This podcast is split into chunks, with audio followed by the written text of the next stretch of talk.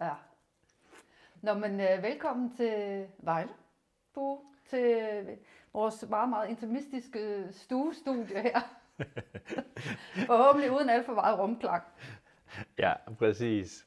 Øh, og det vi egentlig skal snakke om i dag, det, altså, det er lidt, hvordan vi er nået dertil, hvor vi er nu. For der er flere, der har spurgt os om det der med, jamen, hvorfor, hvorfor du ikke vil afdelingslæge, eller hvorfor køber du ikke din egen praksis, eller hvorfor opererer Lille ikke skulder længere, eller hvorfor har I ikke lyst til at se patienter længere, eller sådan en række forskellige spørgsmål, og jeg tænkte, det gør egentlig god mening at, at præsentere selv, hvem vi er, sådan lidt mere end bare lige vores navn.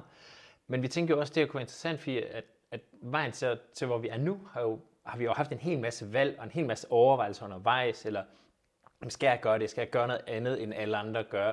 Så der har vi hele tiden haft en masse overvejelser. Det kan jo godt være, at vi ikke er de eneste to i den verden, der har haft nogle af alle de overvejelser.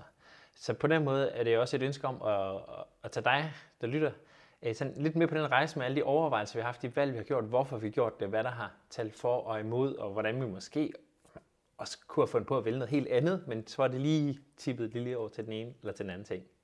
Præcis. Og, og, og livet er jo en lang udvikling i virkeligheden. Øhm, så så når, når vi starter der, så, så, øh, så ryger jeg helt tilbage til øh, gymnasiet i Rønne. Jeg er Bornholmer. Og øh, jeg tror, det var 14 dage inden, at, øh, at vi var færdige, så kom det til mig, at jeg skulle være læge. Og jeg vidste fra starten, at jeg skulle være idrætslæge. Fordi hele mit fritidsunivers, det, øh, det handlede om øh, volleyball og atletik. Og det gjorde det faktisk mange år fremadrettet. Så, så jeg var fuldstændig, jeg var fuldstændig klar over, at jeg skulle være idrætslæge. Øhm, så, så jeg skulle være læge. Så jeg flyttede til Odense og, og tog studiet der, fordi springet, springet fra Bornholm ude fra landet var for stort til København, som jeg jo havde besøgt masser af gange. Jeg ville simpelthen ikke bo der. Øhm, og Aarhus var for langt ja. væk, så det blev Odense. Så en augustdag, der tog jeg til Odense og fandt en lille bitte 12 kvadratmeters værelse, lejlighed. Og, og så startede jeg. Fuldstændig flyttede hjemmefra som 19-årig til en by, som jeg ikke kendte. Måtte alene. det var starten. Er det lyder rimelig vildt? Ja. Og for, der tager jo lige et stykke tid fra Bornholm. Altså, det er jo ikke bare sådan lige at smutte hjem i weekenden, jo. Nej. Nej, altså det var jo, og, og dengang øh, i yngre oldtid, hvor det var drejetelefon, og, og jo ikke havde alt det her gear, som vi har nu, så var der hen på Shell-tanken på, på Hundervej, og så, og så ringe derfra, om de så ville ringe mig op, fordi det kostede jo penge at, at proppe kroner i den så, så øh, og det er jo, ja det er i 80'erne. Jeg startede i 82 med at læse til læge. Og der er mange af vores lyttere her, som overhovedet ikke, I er ikke slet ikke født på det her tidspunkt. Men, altså, jeg, men det er jo der min ret, og det var du jo, jeg blev født i 82. Du var født i 82, ja. Så der står jeg og ringer hjem til Bornholm. ja. Åh oh, ja. Er det sjovt, fordi jeg, jeg har jo med det der med, at jeg skulle være læge, det der med, jeg havde, jeg havde vidste jo godt, at jeg ikke skulle være læge. Det var ikke det der med, at jeg ikke havde tænkt over det. Jeg vidste jo, at jeg ikke skulle være læge. Jeg har også en far, der er læge, så måske også sådan lidt, at man kunne ikke forstå lægebørn, som ville være læger, fordi altså, arbejdstider, alt muligt. Så jeg vidste godt, at jeg ikke skulle være læge. Og jeg nåede så gav også at starte på statskundskab. For så at finde ud af, at det så alligevel ikke var det, og så havde jeg nogle venner, der læ- faktisk læste medicin, og så var det sådan lidt, hver gang de begyndte at snakke om deres medicinstudie eller deres fadelvagt, og så var det sådan lidt, det lød bare sådan vildt meget mere spændende. Altså, og så var det sådan, også en af mine venner, der spurgte mig en dag om, er du sikker på, at du ikke skal læse medicin? Da jeg netop bare droppede ud af statskundskab og tænkte, men hvad er det så, jeg skal? Og så er det sådan, jeg havde jo bare lagt dem hylde med det, sådan lidt, åh, oh, det skal jeg måske. Det kunne faktisk godt være, at jeg skulle det. Og så læste jeg jo så faktisk også i Odense. Ja. Jeg vil sige. Så, så det er jo sådan, ja, det er jo så en meget spæd øh, start, hvor nok, ja, det, det er jo et par år siden. Men, øh, men, men det, er jo det, det er jo det, der har formet os, at, at, øh, at vi starter med studiet, og, og så kommer jo den der, jamen hvad så? Ikke? Og, og, og for mit vedkommende, så havde jeg jo ligesom altid vidst, at jeg ville være ortopædkirurg og være idrætslæge. Altså det, det lå lige til højre benet. Så, så den karriere, den, den startede jeg simpelthen på. Øh, jeg havde godt nok halvanden års øh, med tarmkirurgi, fordi det var også en del af det dengang. Øhm, men, men, men det var bare min vej, og derfor så øh, førte jeg mig jo også frem i forhold til at, at ville vejen, og ville have, øh, dengang hed det kursusstilling, nu hedder det hoveddansstilling. Øhm, så, så på den måde, så, øh, så flaskede det sig. Jeg kom ind i de kredse, hvor der var handlede om idræt og idrætsmedicin og sportsskader. Så, så jeg fulgte min passion. Og, og, og havde selvfølgelig også, øh, nu viser jeg albuerne, den kan I ikke se, men jeg, jeg var virkelig inde i at, at få lov og, og, og nørde med og, og det tekniske og operative meget, meget tidligt faktisk. Mm. Du har måske også haft brug for en lille smule mere albuer, for man kan sige, det har du også snakket om tidligere, det der med, at jamen, altså, som kvinde, altså, nu er det jo ret almindeligt at være, altså, som kvinde at være læge. Mm. Det var det jo ikke dengang, som jeg forstår det. Eller i hvert fald ikke ortopædkirurg. Og i hvert fald ikke ortopædkirurg, så i hvert fald. Der var nogle få. Men, men, ja. øh, men, men da jeg fik øh, øh, kursusstilling i Aarhus, der var vi faktisk tre på, altså efter hinanden, hvilket var fuldstændig uhørt. Øh, og hvor mange var der ellers? Hænder det ikke. Men, men, eller, eller mere som i, at, at det, hvis der var tre efter hinanden, ikke, men for hver gang der var en af jer tre, der startede, hvor mange mandlige ortopædikere var så startet? Var det så tre mandlige eller ti mandlige? Hvad det, det kan jeg ikke svare på, men altså, okay. jeg, altså egentlig så var jeg en, en del af, af flokken. Så, ja. så jeg, jeg har ikke sådan blevet øh, forfordelt noget, synes jeg selv. Men, mm. men jeg blev så også opmærksom på mig selv, kan man sige, øh, ud fra det. Um, og, og det interessante er jo også, at da jeg så øh, øh, finder ud af, at jeg skal også have nogle børn, øh, mens jeg har den der berømte kursusstilling, så, så værvede jeg mig da også ved at ringe, og så, så trak jeg en ven og ring, øh, ringede til vedkommende. Og hvad skal jeg gøre? Jamen, det var helt okay. Og så faldt mit system jo til ro, for selvfølgelig var det okay. Ikke? Og, og, ja. så, så jeg har aldrig stødt på problemer i forhold til hverken at, at føde børn, eller, eller, øhm, eller få arbejde på den måde.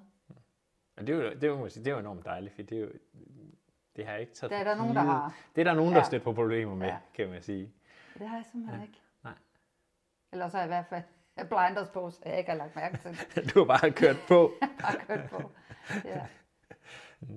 Jeg kan sige, at min vej til at vælge, hvad, hvad for specialer så har jeg, for under studiet, så, så nørdede jeg nogle af de forskellige interne medicinske sygdomme, og synes, det var vildt spændende at, at læse, og man tænkte, jeg skulle da helt sikkert om intern medicin, og faktisk havde vi sådan en lille personlighedstest i, helt på første semester, hvor jeg lidt tutor med, hvor også, at, at den firkant der, man fik tegnet på det der, det passede præcis til at være intern medicin, og jeg tænkte, at det skal jeg, og jeg synes, det er fedt at nørde, ikke?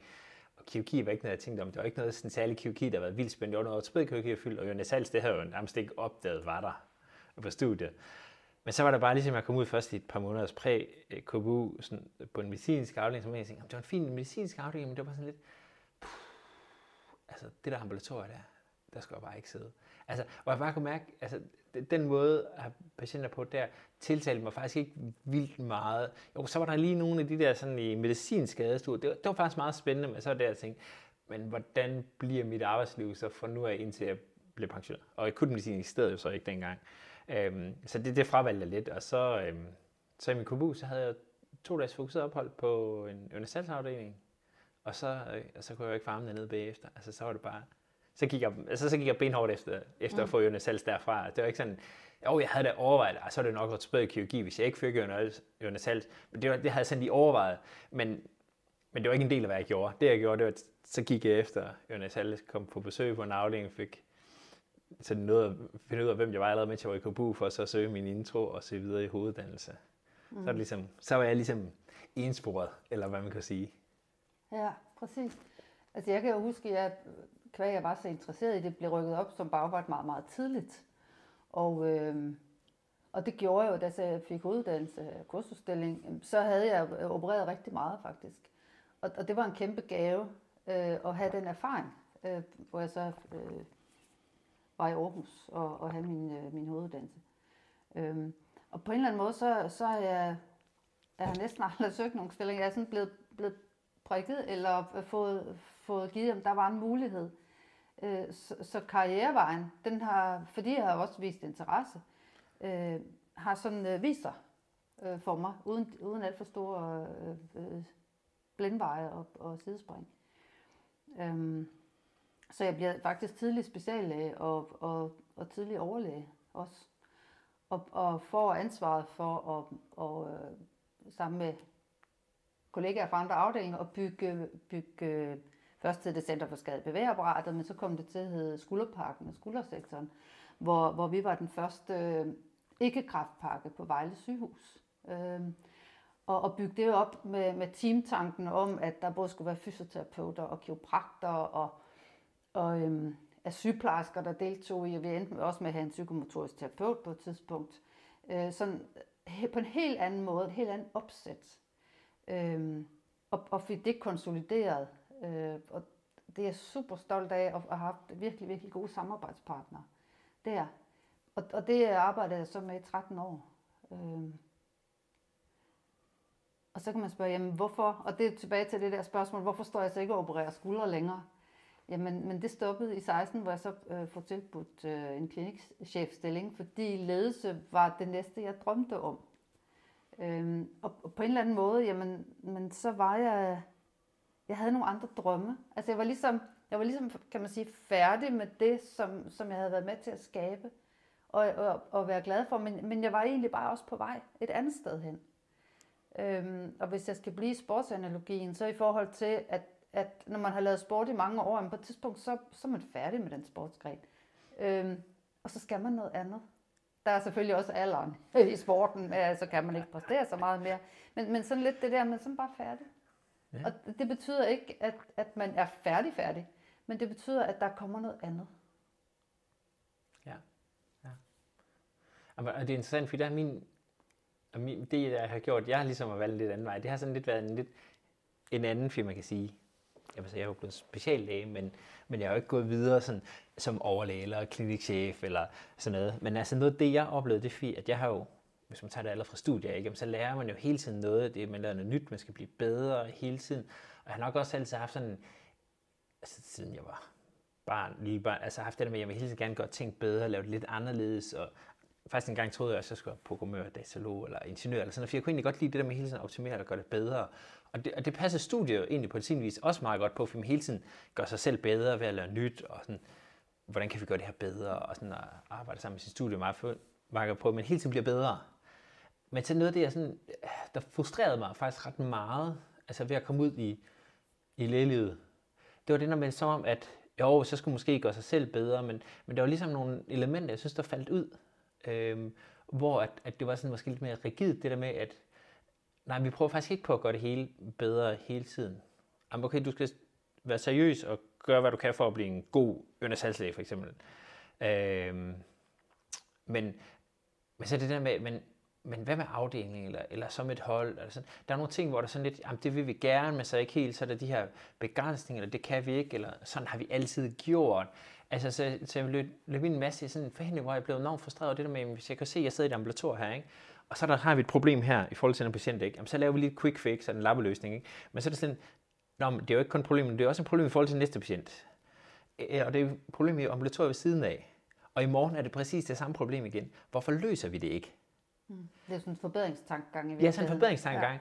Ja. Øhm, og jeg har, jeg har nok ikke engang tænkt over som forbedringstankegang, selvom det er oplagt er det, men mere den frustration over, hvis der er noget, der ikke virker, hvorfor skal vi blive ved med at spille tid på det? Altså det, det, det, det var mig øh, ret ubegribeligt, kan man sige. Mm. Øhm, og så det oplevede jeg mere og mere, og det prøvede jeg også at gå ind i nogle af de ting, ikke? og hvor jeg også mange gange sådan lidt, lidt hovedet mod en mur, fordi det er sådan lidt, jamen det skulle jeg ikke, eller jamen, det er ikke noget, du skulle fokusere på som uddannelseslæge, eller sådan har det altid været, og sådan noget. Ikke? altså der blev jeg så ret grebet af, dengang der så kom med øh, alt det her, den syddanske forbedringsmodel. Øh, mm. Det er ikke alle, der måske kender det, måske. Nu tør jeg næsten ikke sige ordet, men det er jo en form for lean, men det er mange... Det er lean, lean for hospitals. Ja, jeg vil lige knytte en kommentar her til lean, for der er mange, der tror, sådan misforstået, at, at lean det er noget med, at vi skal bare skære alle folks pauser væk, og man skal bare presse folk max. Og det er slet ikke det, det handler om. Det kan godt være, at det bliver misbrugt til det, men lean handler egentlig om at fjerne alt det der spild, så det der med, hvis det er, at man skal rende rundt og lede efter en patient i 5 minutter, det er spild. Det kan man skære væk. Det er ikke pausen, der skal skære væk, for det er faktisk det, der gør, at man gør en mere effektiv. Øhm, så det blev faktisk noget lignende, som faktisk gav mening, hvor man tog fat i dem på gulvet. Og da det kom, og vi også prøvede det lidt på vores afdeling, altså så var jeg ret begejstret, og jeg kom også med til sådan en workshop, hvor vi netop sad dem, der havde noget med det at gøre, så sad som yngre læge, men også overlæge og sekretær og sygeplejersker, både fra ambulatorier og operationsgange og, og fra... Øh, Patient? Øh, havde vi en patient med? Det havde vi ikke. Nej, det havde vi ikke der. Men det så været også nogle fra sengeafdeling. Men på den måde, at vi sådan, og så snakker om sammen ikke, jamen, hvordan kan vi gøre de her ting bedre, når der går noget knas her, hvad kan vi gøre? Og sådan, altså, I stedet for, at der kommer et eller andet over fra, der siger, jamen, nu skal det præcis være sådan. der skulle være en workshop, det kommer op fra, ikke? Men, men hvad der var af forslag, det var helt afdelingen kom forslag, vi sad og arbejdede med, og jeg var, altså, jeg kunne simpelthen ikke få armene ned. Altså, jeg synes, det var så fedt. Og jeg blev også klogere på nogle ting, som nogle sekretærer eller sygeplejersker sagde. Der var ting, der jo ligesom bare skete af sig selv, ligesom når man var barn, og køleskabet fyldte sig selv. Ikke? Det, de ting sker jo ikke af selv. Der er nogen, der gør det. Men det, her, det var jeg meget blind over for fire år. Jamen, jeg har jo den her opgave, ikke? eller jeg er lægen, det er mig, der laver det vigtigste, eller hvad, hvad måske, jeg ved ikke, om I kunne se, jeg lavede de der øh, luft, situationstegn i luften, ikke? ja. men, men hvor der en hel masse andet, der også foregik, som jeg sådan faktisk ikke gjort på begreb, altså, og hvor man også kunne gøre det faggruppe mellem kollegaer, mellem, kunne både gøre det meget nemmere, men også meget sværere for hinanden, med hvordan man valgte at gøre tingene. Øhm, og det er jo et af de, altså, så det her, jeg fortæller om her, det er jo noget, det jeg også begynder, hvad kan man sige, at, at drifte lidt fra at have sådan en vis fokus på mig selv, og jeg skal lære den næste operation, og jeg skal den bedste læge her lige den her patient, ikke til at egentlig at se, det har nok gjort hele tiden, men mere og mere på, hvordan fungerer afdelingen, hvordan fungerer sygehuset, hvordan kan vi hjælpe hinanden til, at tingene kører bedre. Patienterne får en bedre, mere sikker oplevelse, en hurtig oplevelse, vi bruger færre ressourcer, vi har selv mere overskud, for gjort alle de ting. At det, var, det prøvede jeg også at komme mere ind i. Øh, lidt kom jeg, men ikke så meget, som jeg gerne ville. Det, men det er jo også det, der kendetegner dig, altså sådan en visionær tankegang i virkeligheden. Og, ja. og, og gerne ville noget, og der, jeg kommer til at tænke på det der amerikanske udtryk, if not now, then when. Altså ja. det der med, at jamen så gør det dog. ja, præcis. Og, og derfor, derfor øh, så kommer jeg lige tilbage til en, øh, kan man sige, en åbenbaring, jeg havde øh, på, jeg var til Quality Forum i London i 2012, øhm, hvor jeg første gang hørte om change agents. Altså det der med at prøve noget af. Og jeg var vildt begejstret for en, en englænder, der hedder Helen Bevan, som, som står for meget af det der øhm, øh, transformationsledelse, øh, øh, øh, rock the boat, øh, don't go for no, altså virkelig gøre noget. Og, og dem, de der ildsjæle, der går, øh, og selvom man støder hovedet i, imod væggen, øh, så fortsætter, fordi det kan bare gøre en forskel. Øhm, og lige præcis, der fik jeg også, øh, altså kom virkelig i kontakt med noget. Øh, det var, det var en anden, øh, det var præsidenten Don Berwick, der holdt et foredrag, og så nævner han en, der hed, øh, hedder Don Abidjan, som nu er afdød, men som havde rigtig meget med kvalitetsarbejde at gøre. Og overskriften på noget af hans arbejde hedder The Secret of Quality is Love. Ja. Og nu, nu fandt jeg lige frem øh, på nettet, hvad det var. Fordi han har sagt, the ultimate, ultimately the secret of quality is love. You have to love your patient. You have to love your profession. You have to love your God. If you have love, you can work backward to monitor and improve the system. Okay? Så, så for mig betyder det den der universelle kærlighed til, til medmennesket til kollegaer, til patienten. Og, og, altså det, og, og få det nævnt som en, en kilde til at forbedre, og til at gå tilbage og kigge, jamen det her kan vi improve, altså det kan vi gøre bedre det her. Og så, og så, så skabe et, øh, nogle omgivelser, som gør det.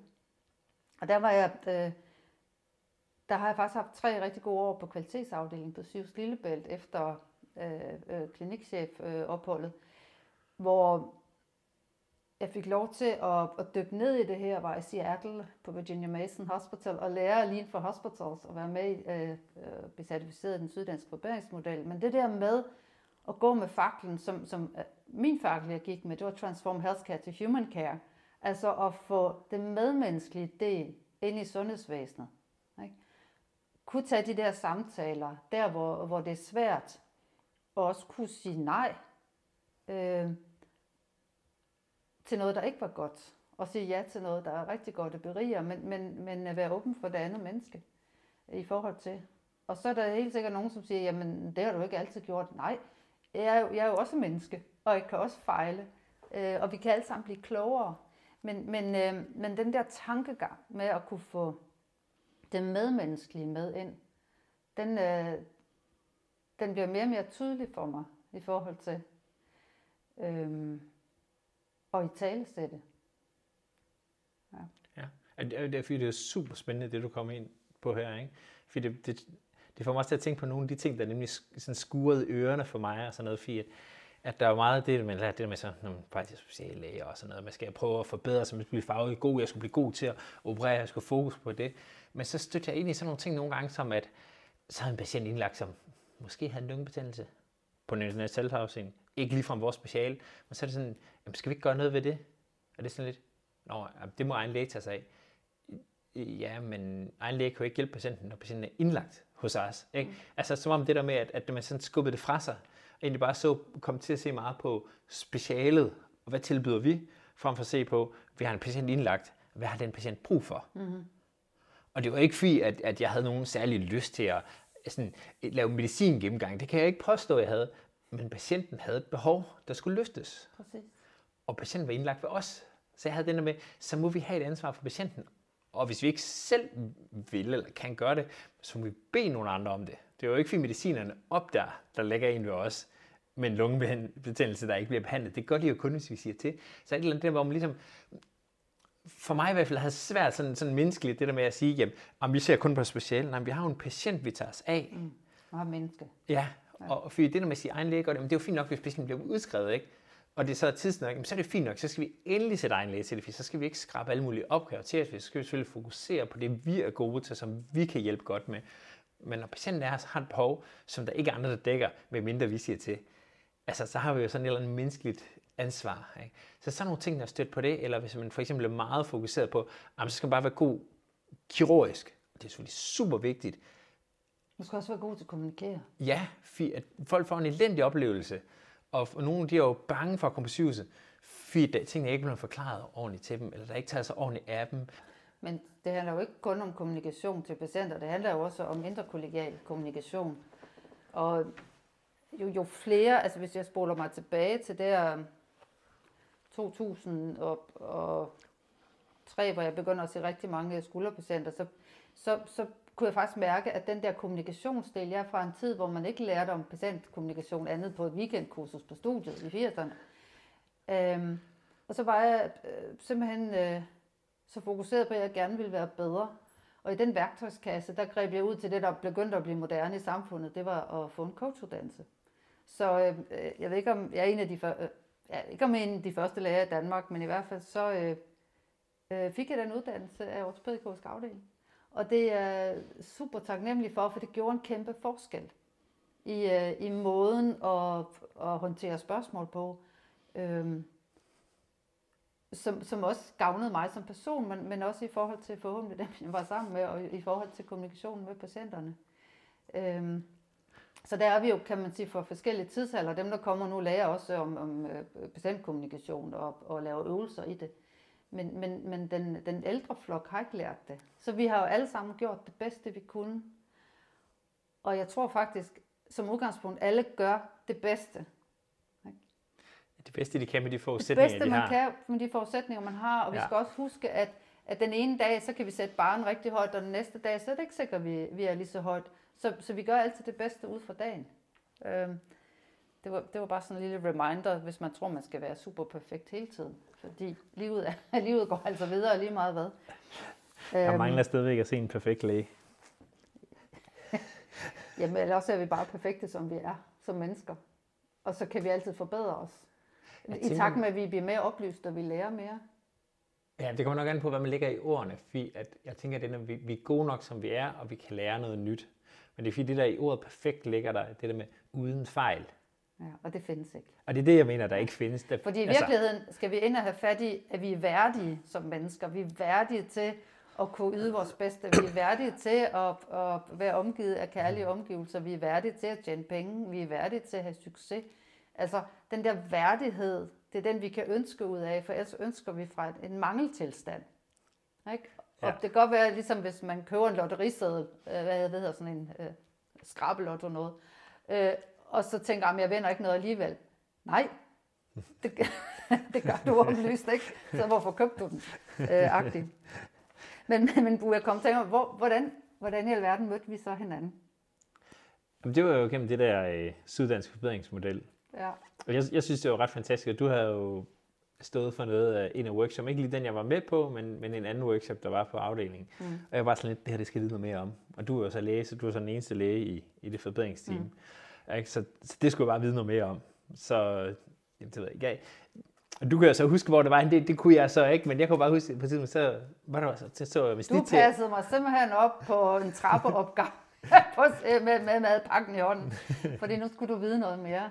Ja. Øh, og, og, og det var så dejligt, at der var en kollega, som øh, var interesseret, altså ægte interesseret i det her forbedringsarbejde. Øhm, så, så det gjorde også et bedst indtryk. Mm, ja. Så der, der begyndte vi jo at snakke sammen. Og det er sjovt, det du siger det med indtryk, ikke? Fordi nogle gange siger man, at man skal godt, godt indtryk og sådan noget. Det var ikke der, mit fokus var jo. Jeg havde fokus på, hvad kan man sige, det faglige, ikke? Eller det, jeg var begejstret for det. Det var det, jeg gerne ville. Jeg synes, der var virkelig noget fremtid i det. Både sådan, sådan lægeligt og patientmæssigt. Så, så det skulle jeg vide noget mere om. Men det var også den begejstring, jeg kunne mærke. Ikke? Ja, ja. Altså, det, du, du stod der jo ikke for at sige, at det var noget skræmmende det der. Du stod, fordi du var ægte interesseret. Ja. Ikke? Så, så det tændte jo øh, kommunikationen øh, videre, så vi har haft mange gode snakke siden. Ja, jamen det må man jo sige, fordi at, at så var du jo mentor for mig en overgang jo. Mm. var det jo rigtig sådan, fordi at, at jeg jo netop på nogle, nogle af de ting, vi allerede har snakket om her, ikke? og så nogle flere, så var begyndt at tænke, jamen, hvad er det egentlig, jeg skal? Øhm, så udover at snakke det her forbedring sådan noget, jamen, så også det der med egentlig, så satte du mig jo til at gøre nogle af de ting, vi jo nu sætter dem, der kom på vores kursus, et godt, øh, godt og trygt lægeliv. Så dem til, så sad jeg jo faktisk lavet noget af de ting dengang, jo, for det der med at finde ud af, jamen, hvad er mine værdier, mm. hvad er det egentlig gerne, jeg vil, og hvor ser jeg mig selv, og sådan, prøve den måde at tænke fremad. For jeg var jo egentlig begyndt, så tænkte jeg, begyndt at skure lidt ørerne, men også det der, når jeg kiggede sådan fremad der, som hoveddanslæger, kiggede på afdelingslægerne, og i særdeleshed kiggede på overlæger, og tænker, jamen, jeg vil faktisk ikke have dit liv. Jeg vil heller ikke have dit liv. Jeg vil heller ikke have dit liv. Og heller ikke dit.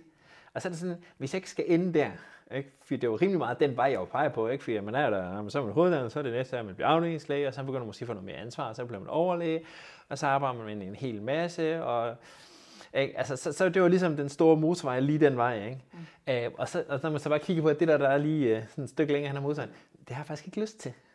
Altså, der er nogle af ting, de laver spændende, men mange af de ting, der er spændende, det er jo også det der med, det kan man lige nå ind imellem ikke? Og den, den fandt jeg ud af, nok særligt da jeg blev forældre, øh, fik jo søn, øh, at det der med, at jamen jeg, altså det, det, det, går ikke det der med, jeg vil ikke have det der 37 timers arbejde, hvor jeg laver det der basis noget som hoveddanslæge, speciallæge, og så gør jeg lige der spændende ting som ekstra ved siden af, for så ikke at nå at se min familie. For det var sådan lidt, det har jeg ikke lyst til, det var ikke min prioritet. Men det var også, det var også et spørgsmål, noget det der presset mig. Det var sådan, jamen jeg, jeg kunne simpelthen fysisk ikke holde til det. Altså jeg gik jo ned på det, mm. øh, når jeg prøvede bare noget i nærheden af det. Øh, jeg fik mig også nogle knups vej i hoveduddannelse, altså hvor også var sådan lidt nedvendt på, altså den vej jeg er nu, ikke bare lidt om for den karriere, jeg vil have, ikke? men bliver jeg overhovedet speciallæge? Altså, mm. jeg, jeg sad alvorligt over, bliver jeg overhovedet speciallæge? Ikke fordi jeg tænker, at jeg dropper ud, men fordi jeg går ned. Og det er jo der, vi, altså i livet, vi møder nogle, nogle udfordringer. Det er jo ikke nødvendigvis arbejdsmæssigt, det kan jo også være privat. Altså jeg nåede at blive skilt i 2004, hvilket jo også var en gigantisk udfordring, samtidig med at jeg førte mig frem som, øh, som specialansvarlig overlæge for skuldersektoren. Så, så det var en helt vildt stort spænd. Men, men det, gav, det gav mig også en, øh, en kæmpe menneskelig opvågning øh, og, mm. og en øget bevidsthed, fordi der var jeg jo så også inde og arbejde med mig selv i forhold til øh, min personlige udvikling, som jo faktisk starter der, altså kickstarter øh, til det, jeg er nu. Så, så kriser kommer også, eller udfordringen kommer jo også som en gave øh, til at komme videre. Ja, øh, ja. Bare ikke lige, mens man står i det. Men, men, men, Ej, der er det ikke sådan forfærdeligt sjov. men til at komme videre. Øh, og, og så kan man sige, jamen, det er jo op til en selv at definere, om man har succes eller ej, fordi altså hvad andre synes, øh, er jo sådan set irrelevant, for det handler om, at man kan være til stede i nuet med sig selv på den allerbedste måde. Så man kan sige, at jeg så ikke en succes, fordi jeg ikke øh, øh, vedligeholdt og havde kun en kortvarig øh, hvad hedder det, stilling som ledende overlæge, det der nu hedder cheflæge, i, i øh, et helt andet speciale, nemlig psykiatrien, hvor det bare ikke var et match. Og, øh, og det er okay. Men det gav mig jo virkelig det sidste i forhold til min kerneværdi, som er frihed, til at sætte mig selv fri, og derfor står jeg ikke at operere skuldre længere, for det kunne jeg dybt set bare gå tilbage til. Men men friheden til at skabe mit eget univers. Ikke? Og ja, nu hedder det Nature Coaching Institute, fordi jeg ved, at naturen kan noget. Det kan noget i forhold til, altså hvis man har fokus på trivsel, sundhed, øh, øh, åndelighed, øh, øh, fysik, øh, følelser. Altså naturen, øh, naturen for mig binder det hele sammen. Og derfor kom det til at hedde Nature. Og fordi det hed på engelsk, så var det fordi, jeg var lidt i tvivl om, jamen er det, er det her, eller er, skal jeg have noget udlandet med, eller hvor bærer det hen? Så, øh, så det er navnet. Øh, så, så jeg ved at skabe mit eget univers, men det kommer jo ikke overnight, fordi da jeg blev færdig som læge i 89, det er jo så nu, øh, det er 34, 34, snart 34 år siden, og, og det har jo været en del af min identitet, men jeg har jo været meget opmærksom på, at det er ikke min identitet. Altså det er noget, jeg har arbejdet med og, og gået ind i med, med liv og sjæl, men jeg er også meget andet. Så for mig betyder det rigtig meget her i de sidste, kan man sige, 10 år af mit arbejdsliv, at, fordi jeg fylder 60 om meget kort tid, at, øh, at jeg har altså, simpelthen lyst til at prøve noget andet.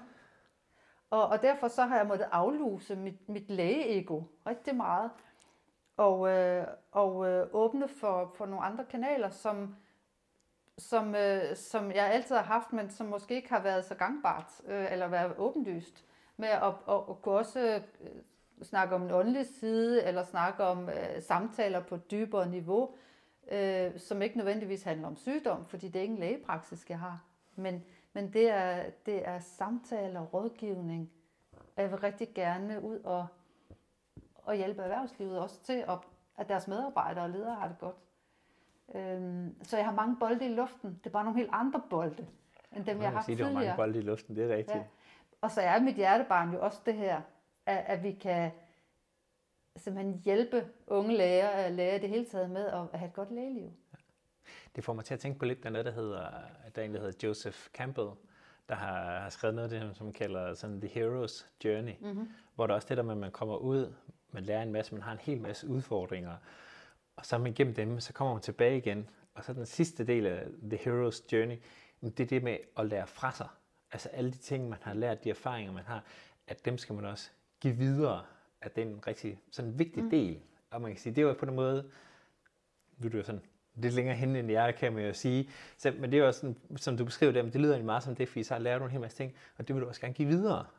Ja, altså, at, at, altså jeg ser mig egentlig selv som budbringer. At, at, ja. Altså det er lige, men og dem, der, er, der har læst Alkemisten, øh, at, at der, øh, som er en, en helt magisk historie, altså man, man, skal, man kommer en, en masse igennem, før at man egentlig finder det, som, som lå meget tæt på, der hvor man troede, jeg ikke anede, hvor det var. Og der er også nogen, der kalder det The Wounded Healer's Journey. Altså det der med, at man, man får også nogle knups. Øh, man kommer ned og ligger i arenaen, og så må man rejse sig og, og, og børste støvet af, fordi at have mod til at ture og være sig. Ikke? Ja. Lige meget hvad andre synes, eller ja. hvad der har været svært, eller hvordan at øh, vi kunne have gjort tingene anderledes. Ikke? Så, så, så, så den mission, den, den er jeg på, øh, ja. at hjælpe, og, og så er det bare på en anden måde end før. Og, og det er jeg jo ved at finde mine ben i. Ja. Så derfor står jeg ikke opererer længere. Men jeg er jo stadigvæk også læge, lige så vel som jeg er alt muligt andet. Helt sikkert, helt sikkert. Ja, det er rigtig spændende det der med, hvordan, hvordan kan man give videre, hvordan kan man gøre det. Uh, en ting, lidt i tråd med det her, men også at springe lige lidt tilbage, fordi du snakker om det, jamen, altså, hvornår har jeg succes, snakker du om. Og det er også noget, der popper op der, fordi det der med, at meget som kom ind på medicinstudiet, kom i KBU, okay, KBU, det kommer alle, der trækker med nummer, ikke? man har også fået sin intro, sin hoved, den har fået sin slutstilling, så videre, ikke? Det der med, jamen, så bliver det hurtigt, det der med succes, det er sådan et uh, moving target, mm. altså, det er sådan, ej, jeg skal bare have intro, det er speciale, jeg gerne vil have, og så har man sin intro, ej, jeg skal bare have hoveddannelse, ikke? Okay, så må Jeg skal bare have en slutstilling. Okay. Og jeg skal bare være overlæg. Altså den, når man hele tiden har et eller andet, altså så man faktisk aldrig er i mål. Og man på den måde sådan hele tiden ligesom stresser sig selv fremad, i stedet for at have en eller anden ro og tilfredshed med, jeg er her, hvor jeg er lige nu, og det er nok. Og det er jo virkeligheden i nuet. Fordi hvis man hele tiden går og stræber, altså, altså vi kan altid kigge baglæns med alt det, man kunne have gjort anderledes, eller andre kunne have gjort anderledes, men Men, men, men når, vi, når vi fokuserer fremad, ikke? Jamen, jeg skal også være det, og, og, eller jeg bliver lykkelig, hvis jeg får det, eller sådan noget, så er vi ikke her lige nu, og det er faktisk lige nu, vi lever. Ikke? Jamen, det er og det det. nu, som, som dig, der hører den her podcast, det er jo et andet nu, end der, hvor vi optager den her Ja. samtale. Ikke? Så hvad er, hvad er tid? Altså, tid er ikke linje, den er eksponentiel, afhængig af, øh, hvordan og hvorledes. Så, så hvordan kan vi bøje tiden? Og hvis vi hele tiden er ude i fremtiden, så er vi altså ikke lige her fokuseret lige nu, Nej, hvordan det vi er det. er Og i den er-. Er det, og den der illusion om, at bare jeg opnår det her, så Ja. er jeg glad. Eller bare jeg opnår det her, så er jeg tilfreds. At, prøv, prøv at tænke på dig selv. Hvor mange gange har du ikke oplevet, at du har tænkt frem til det, for at så nå frem, og så opdagede at det måske var sådan lidt, "Næh, ikke den Og- først var der. Altså man snakker jo først, undskyld, jeg tager lige ordet en lille smule mere. øh, det der med, at, at hvordan folk nærmest kan man have undersøgt det, at se, hvordan folk nærmest, når de så når færdige deres, øh, store projekt eller Mm. opgave eller et eller andet, hvordan de ligesom faktisk kan blive helt deprimeret, fordi så, når de så når der til, så er det faktisk bare ret tomt. Ikke? Præcis. Og det er jo ligesom, hvis man tager coachbrillerne på, det der med at have et mål, det er jo i virkeligheden vejen hen til målet. Problemet er, Ja. eller nej, det er faktisk ikke et problem. Gaven er, at målet ændrer sig. Og, og det, er jo, det er jo en gave, Ja, det er gaven, det er Når man- transformationsgaven. men, men det er jo også en gave, når det er, man er glad for vejen. Ja. Og Fordi hvis selvom, man ikke er glad for vejen, så, så er det jo en forbandelse, at målet flytter sig hele tiden jo. Det er rigtigt, men så er spørgsmålet, om det er det rigtige mål. Men mindre man har en masse begrænsende overbevisninger, som gør, at man hele tiden knaller panden imod, fordi man har bildt sig selv noget ind, at man ikke duede til det, eller det er også svært det her, eller øh, ja, det, det er nok, det kommer ikke til at ske. Mm. Ikke?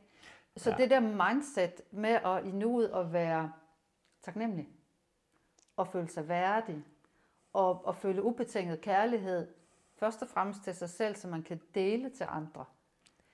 Det er jo, det er jo et forankringspunkt i livet. Ja, ja, helt sikkert. Og det synes jeg har været rigtig svært at have det forankringspunkt. For nu har vi snakket om det der med, jamen, så kigger man frem til, jamen, så skal man have så skal man uddannelse. Sådan men, men nogle gange for mig har det også bare været sådan lidt, jeg er 10 minutter bagud i ambulatoriet. Jeg skal skynde mig videre til den næste patient, og så er jeg måske et kvarter bagud. Ikke? Og så skal jeg skynde mig videre, sådan, sådan, så jeg hele tiden sådan, stresser mig fremad til det næste. Ikke? I stedet for at have en, en eller anden ro i, at okay, uanset om jeg stresser frem eller ej, så er de 10 minutter bagud. Nu er jeg lige her, lige nu. Altså, Du når altid at blive færdig, inden du går hjem. Det kan jeg altså sige. men, men uanset hvad, så var det jo ikke, det hjalp mig ikke. Det gjorde mig, det gjorde mig heller ikke hurtigere jo, for nogle gange kan man også den en illusion om, at hvis jeg stresser frem efter så går det mig hurtigere. Det er sådan, ja, det gjorde det faktisk ikke. Det var faktisk på et tidspunkt, der heldigvis med god hjælp, der var jeg sidst i mit uddannelsesforløb, jeg fik god hjælp med noget, fordi jeg havde noget patientkontakt, der tog for lang tid. Og jeg havde ikke helt taget råd til mig omkring det der med, ah, at det kan være, at du bare skal udvikle lidt mere hugtænder. Den, den, den tog jeg bare ikke til mig. Jeg behøver måske ikke helt at forklare, hvorfor. Men så er der nu hjælper mig faktisk noget, men det er sådan noget klar tale, øh, hvor jeg fik, man havde ambulatorier sammen med sygeplejerske, og så en sygeplejerske, der faktisk var undervist i det, som jeg, så jeg havde en del ambulatordage sammen med, blev det så til, altså aftalte jo, og vi så sad og snakkede igennem, ja, hvordan gjorde rammer det så videre, og så lige pludselig så havde jeg nogle ambulatoriedage, hvor at jeg følte, jeg havde mere ro i, når jeg sendte patienten ud af døren, for jeg følte, at jeg havde gjort det godt for dem, de havde fået svar på det spørgsmål, jeg havde haft tid til at høre, hvad de havde ekstra spørgsmål, og så var jeg en time hurtigere. Mm. Altså, det var sådan meget mærkeligt. Det var sådan, nogle dage, så var det sådan lidt, okay, det var mærkeligt, det her. Men og altså det på er en god virkelig måde. fantastisk. Jamen, det var helt fantastisk. Ja. Men, men hvor det faktisk var noget med noget, noget ro og noget plads, men også, også en prioritering at sige, jamen, hvad er det egentlig, vi skal her, ikke? Altså, og, og så have en det aftale om det. Præcis, og nu ved jeg godt, jeg afbryder dig, men det, men det der Ja, det ord, helt transformation og bevidsthed, altså have bevidstheden om, at det, noget kan gøre en forskel. Have bevidstheden om, at øh, vi som mennesker har udviklet os og bliver bedre til at mestre nogle ting. Øh, det gør jo, at, at man også har et helt andet øh, rådnet, hvis vi nu tager naturen med. Vi står stærkere som træ, i stedet for at vi ligger nede i en grøft og er ved at rådne. Altså, altså have den der indre styrke til at, at gøre. Og, og så, øh, jamen altså mit råd til alle, det er at, at, at finde dine værdier. Find ud af, hvad gør dig glad, hvad gør dig lykkelig. Hvordan kan du ud fra det mindset bidrage til, øh, til det arbejde, du nogle gange har.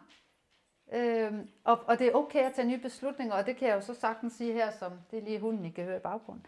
Øhm, at, at som, som snart 60-årig, at, at der kommer nogle både bump og, og, og total lykke, glædes øh, fornemmelser i, i, et, i et arbejdsforløb og et livsforløb den synes bare, vi skal stoppe.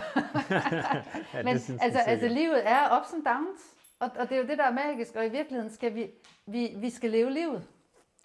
Ja, ja, det er det. Og lige nu, i nuet, og ikke, ikke i overmorgen eller for et halvt år siden, altså det er lige nu. Altså, jeg bare komme til at tænke for nu snakker vi rigtig meget om at være i nuet, ikke?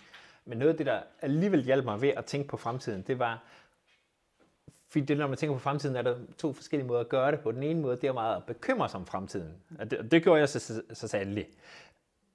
Men det var ikke det, der hjalp mig. Men noget af det, der hjalp mig, det var for eksempel, som jeg sagde tidligere, hvis jeg kiggede frem på afdelingslægerne og overlægerne, har jeg lyst til det? Nej. Så kan jeg tage et valg i forhold til det. Jeg tænkte også på det der med, at det der, man, man prøver hele tiden at gøre sig lækker.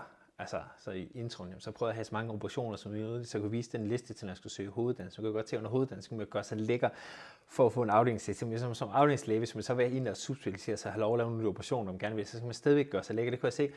Og det var hele tiden det der med, at man skulle hele tiden lægge noget ekstra, man skulle hele tiden lægge noget mere tid. Så det var sådan, jeg kunne, der ved at, ligesom at kigge frem i fremtiden, i stedet for bare at bekymre mig, så så mere at kigge på, er det her en fremtid, jeg ønsker mig? Ikke? Og så fandt jeg ud af, nej, det er det ikke. Og så, så vil jeg sige, så på den måde, så holdt jeg undervejs i min hoveduddannelse op med at, at prøve på at gøre mig lækker. Og, og det er jo faktisk et eksempel, som man kan sige, jamen, det er egentlig ikke til efterfølgelse, for, øh, men det kan man godt. Men det er jo det der med en, en væk fra motivation. At sige, sådan vil jeg bare ikke have det. Ikke? Så i stedet for at vende øh, til, hvordan vil jeg gerne have det? Hvad er det, jeg gerne vil skabe? Hvordan kan tingene komme nemmere til mig? Skal jeg kommunikere på en anden måde? Skal jeg, altså, øh, hvad gør, at jeg når det mål? Så det er to vidt forskellige retninger. Ikke? Jamen, det, og det er Hen imod og væk fra. Ja, og, og det, det, jeg beskrev, det var så helt klart noget, Væk det var, det var noget væk fra. Ja. Men det var så også det, der gjorde jo, at nogle af de ting, hvor du var mentor for mig, for alle de ting, du, Mm. de ting, du sagde der, ikke, jamen, det var så også noget, det, det var noget af det, du også fortalte mig dengang. Jo. Fordi så havde jeg jo, så havde jeg jo den der væk fra ting, ikke? men jeg netop hen til hvad. Ikke? Mm. Og det var også der, jeg så brugte en del tid og energi på at, at lave de der øvelser, og sådan tænke mig om, jamen, hvad er det så, jeg gerne vil hen til? Mm. Ikke? Altså, øhm, Og det åbenbarer sig jo hen ad vejen. Ja. Altså, jeg har, jeg har jo heller ikke lykkes big time 100% med det, som jeg drømmer om, fordi det er også en proces. Ikke? ja, Og, og der er enormt meget læring i det. ja. Øhm, så, så, så livet, er, livet skal bare leves i virkeligheden. Ja. Jo, Ja. og så det kommer jeg til at tænke på, fordi at, at nu er det et spørgsmål, og vi har nærmest allerede svaret på det, ikke? men det er det der med, jamen, hvorfor laver du det ikke bare lige sådan ved siden af, eller sådan ekstra, fordi du kunne da bare have det der 37 timer job, og så lige lave det ved siden af, fordi så kunne du lige have det som bidjob, eller sådan noget, og det har jeg også prøvet lidt, men det var ikke det, jeg ville. Altså, jeg ville gerne have et job, hvor jeg lavede nogle af de ting, jeg gerne, som jeg synes var vigtigt, som jeg synes var spændende, som jeg synes gjorde en forskel. Jeg vil ikke have det som en ting ved siden af, for så ville den blive for lille. Samtidig, så vil jeg også gerne være sammen med min familie. Ikke? Og for jeg også havde et barn, så to barn. Eller to børn. Ikke? Altså, og dem vil jeg have tid sammen med. Så jeg vil have lavet de ting, der var spændende. Jeg synes, det gjorde en forskel. Jeg vil have tid sammen med min familie. Og også have tid til andre ting. Ikke?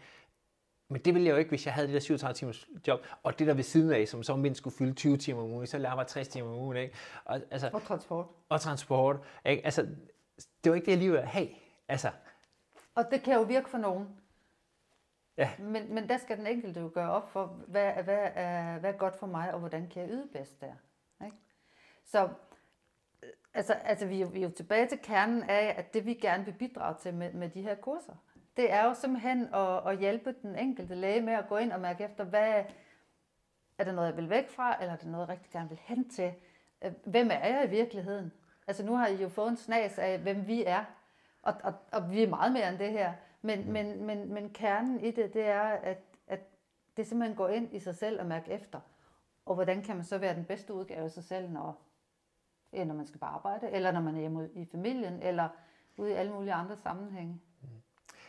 Og der er det også noget, den udvikling, vi har i det, vi laver, det er, at vi jo egentlig, vi har startet ud med det der kurs, et godt og trygt lægeliv, ikke? hvor egentlig fokus er selvfølgelig være noget på værdier, og så tænke, hvad betyder det, altså, for hvordan man lever sit liv, men også en høj grad af det der med lige at mærke efter sig selv, mærke ens følelse, finde ud af, jamen, hvad, hvad er det, hvor det er, jeg føler mig utilstrækkelig, eller skyld og skam, mm. og det der med at kunne sætte nogle grænser, lige finde ud af, hvor man selv er, at kunne sætte nogle grænser, og så sådan en del af det der med at kigge fremad. Men, men derfor har det jo stadigvæk kribler det stadigvæk fingrene på os. Next level. Next level, som man enten jo kunne starte med, eller også vil kunne tage øh, efter den, det andet kurs, der med det der med, hvor vi har tænkt på, det der med at tage styring på dit lægeliv. Mm-hmm. Ikke? Altså, der er så meget mere, man kunne tage, end, end kun lige have værdierne, og lige se, hvordan ser mit livshjul ud med mit liv, ikke? men der er mange flere trin fremad, hvordan kan man gøre for at have et lægeliv, som man gerne vil have det. Ikke? Altså det der med, jamen det, der er både den enkelte dag, men der er også det der på sigt, og en hel masse ting, som man kan arbejde videre med, som vi jo rigtig gerne også vil hjælpe videre med, at man kan komme derhen, hvor man vil. Og vi har jo haft en hel masse overvejelser, man kan høre her i år. Ja, ja. Øhm, og, og, og du, der sidder og lytter, kan jo have en hel masse andre overvejelser. Ikke? Men der vil vi jo gerne have et eller andet sådan forum, hvor vi kan bidrage med jamen, nogle idéer og sætte nogle tanker i gang, men også det der med at have nogle medkursister, hvor man kan sidde der og, og dele med og tænke, har du tænkt sådan, eller det har jeg også, eller hvad med det her, eller sådan. Hele, hele den tanke med at hjælpe hinanden. Altså. Jo, og gøre lægelivet bedre. Ja. I virkeligheden, ja. Og, og et ord, som også kommer til mig, det er de der begrænsende overbevisninger, som vi alle sammen har, som godt kan være lidt skjulte, eller vi har nogle skyklapper på, hvor vi ikke sådan helt ser, øh, og kun kan blive klogere baglæns. Men, men altså skabe et forum for, øh, altså et trygt forum øh, med at, at, at tage nogle af de her ting ind, det, og det er jo det, vi arbejder videre på i virkeligheden. Ja. Og så når du siger om begrænsende øh, overbevisning eller limiting beliefs, en af dem, der kommer til mig her, når vi snakker om lige om det her, det er det der med, så, altså det er en, jeg selv siger med det der med, jamen, er det ikke bare egoistisk af mig, at jeg gerne vil tale retlægge det her, eller jeg vil gerne vil gøre det på min egen måde? Burde jeg ikke bare tage den slagende vej, blive afdelingslæge, blive overlæge, mølle en hel masse patienter igennem? Men det mener jeg faktisk ikke, for jeg mener, altså, både fordi, at vi har et frit samfund, hvor at det er jo lige så vel for læger, som for sygeplejersker, som for ingeniører, som for politibetjente, er, at man må jo godt søge efter noget, der gør en selv glad, så man har et godt liv, for det er jo ikke kun patienterne, der skal have det godt. Det skal vi også. Mm. Det skal Men... vi alle sammen have mulighed for. Og så er der også en anden del af det, det der med, hvornår får vi en god læge? Er det den udbrændte læge, der bare sidder og møller igennem, for det skal man, eller sådan, altså, der mister det der menneskelige fokus, eller en, der rent faktisk... Kommer glemt i øjnene og bare... Ja, og, og, og det vil sige, det er jo en form for, altså hvis vi, en ego-død, altså vi går ind og kigger på vores, hvad er det, hvad, hvad er det, jeg bilder mig selv ind, eller hvad er det, der min underbevidsthed bilder mig ind, kontra, hvad er, hvad er det, hjertet taler med? Ikke? Ja. Altså, så, og det er to forskellige verdener, og det skal man være enormt opmærksom på. Så hjertets univers, hvor man virkelig har dyb kontakt, altså, det der, vi kan møde hinanden på en helt anden måde. Men en af de steder, hvor det, det er svært, ikke? Fordi det kan godt være, at du nu sidder og hører det podcast, og tænker, og det lyder spændende, eller det kunne jeg også tænke, og så kommer du hen på afdelingen, hvor det er sådan, jamen det er selvfølgelig det, vi skal og det er det her, det næste operation. Undskyld, nu er vi er begge to for kirurgisk special, så kommer vi til hele tiden snakke om næste operation, men det kan også være den næste særligt syge, kold patient, sjældent sygdom, et eller andet, men jeg tænker, at det er den næste del, jeg skal vide noget mere af det, jeg skal specialisere i det, at hele, alle synes det, og hvis man begynder at sige noget andet, det er sådan, hvorfor ved du det? Mm. Ikke? Eller du skal da, ikke? Altså, det, bliver, det er nemt at blive opslugt igen i den, det miljø, man befinder sig i. Så det, så det er også det der med at turde sige, at jeg fik faktisk noget andet. Mm. Og der er det også en helt enorm hjælp at mødes med og snakke med nogen, der også overvejer, kunne det her være anderledes? Og derfor så vil vi også sætte pris på, hvis, øh, hvis du har et spørgsmål, og kunne skrive til en af os, øh, fordi vi, øh, nu er det den femte podcast, vi laver. Ja. ja. Og, øh, og vi vil enormt gerne udvikle os øh, og også interviewe nogle flere, og også øh, nogle emner. Altså hvis du har et emne, som, som du gerne vil høre noget om, som, som vi kan øh, øh undersøge og måske øh, interviewe nogen, det vil vi rigtig gerne. Ja. Så, så vi vil rigtig gerne have dig som medspiller også. Ja, det er jo også fint. Altså, vores mission er også meget, at vi vil gerne hjælpe. Og det er jo, vi ved jo bedst, hvordan vi hjælper, når folk siger det. Ja, og, og vi kan jo, altså man kan jo altid kun hjælpe ud fra det stadie, man selv er. Så det, det, er, jo, det er jo også en, en, en vigtig ting, altså hvis man slår sig op på et eller andet. Altså nu har vi så mange års erfaring efterhånden. Men, øh, men vi kan helt sikkert noget, som, som vi har overset, og noget, som vi kunne blive rigtig meget klogere på. Så, så vi modtager med kysshånd, hvis der er, øh, hvis der er nogle emner. Så stay tuned, fordi vi kommer med flere podcasts og flere kurser, helt ja. sikkert. Og hvis du er sikker på at vide, hvornår den næste podcast eller næste kursus kommer, så er vi inde på min hjemmeside, bugemeier.dk og tilmeld dig nyhedsbrevet, så er du up to date på det. Og så min hjemmeside, naturecoachinginstitute.com, og, og vi har begge Instagram og Facebook og LinkedIn, og vi prøver at sprede os over det hele. Så er det bare så, Google. Du, du, du, du. ja, simpelthen. Så Bo, det simpelthen været fornøjelse at snakke med dig. I lige måde. Altså, vi, vi kommer jo til at kende hinanden mere og mere, ikke fordi vi ikke var godt i gang, men, øh, men mange af de her ting, der dukker op. Ja, mm. bestemt. Tak for i dag. Tak for i dag.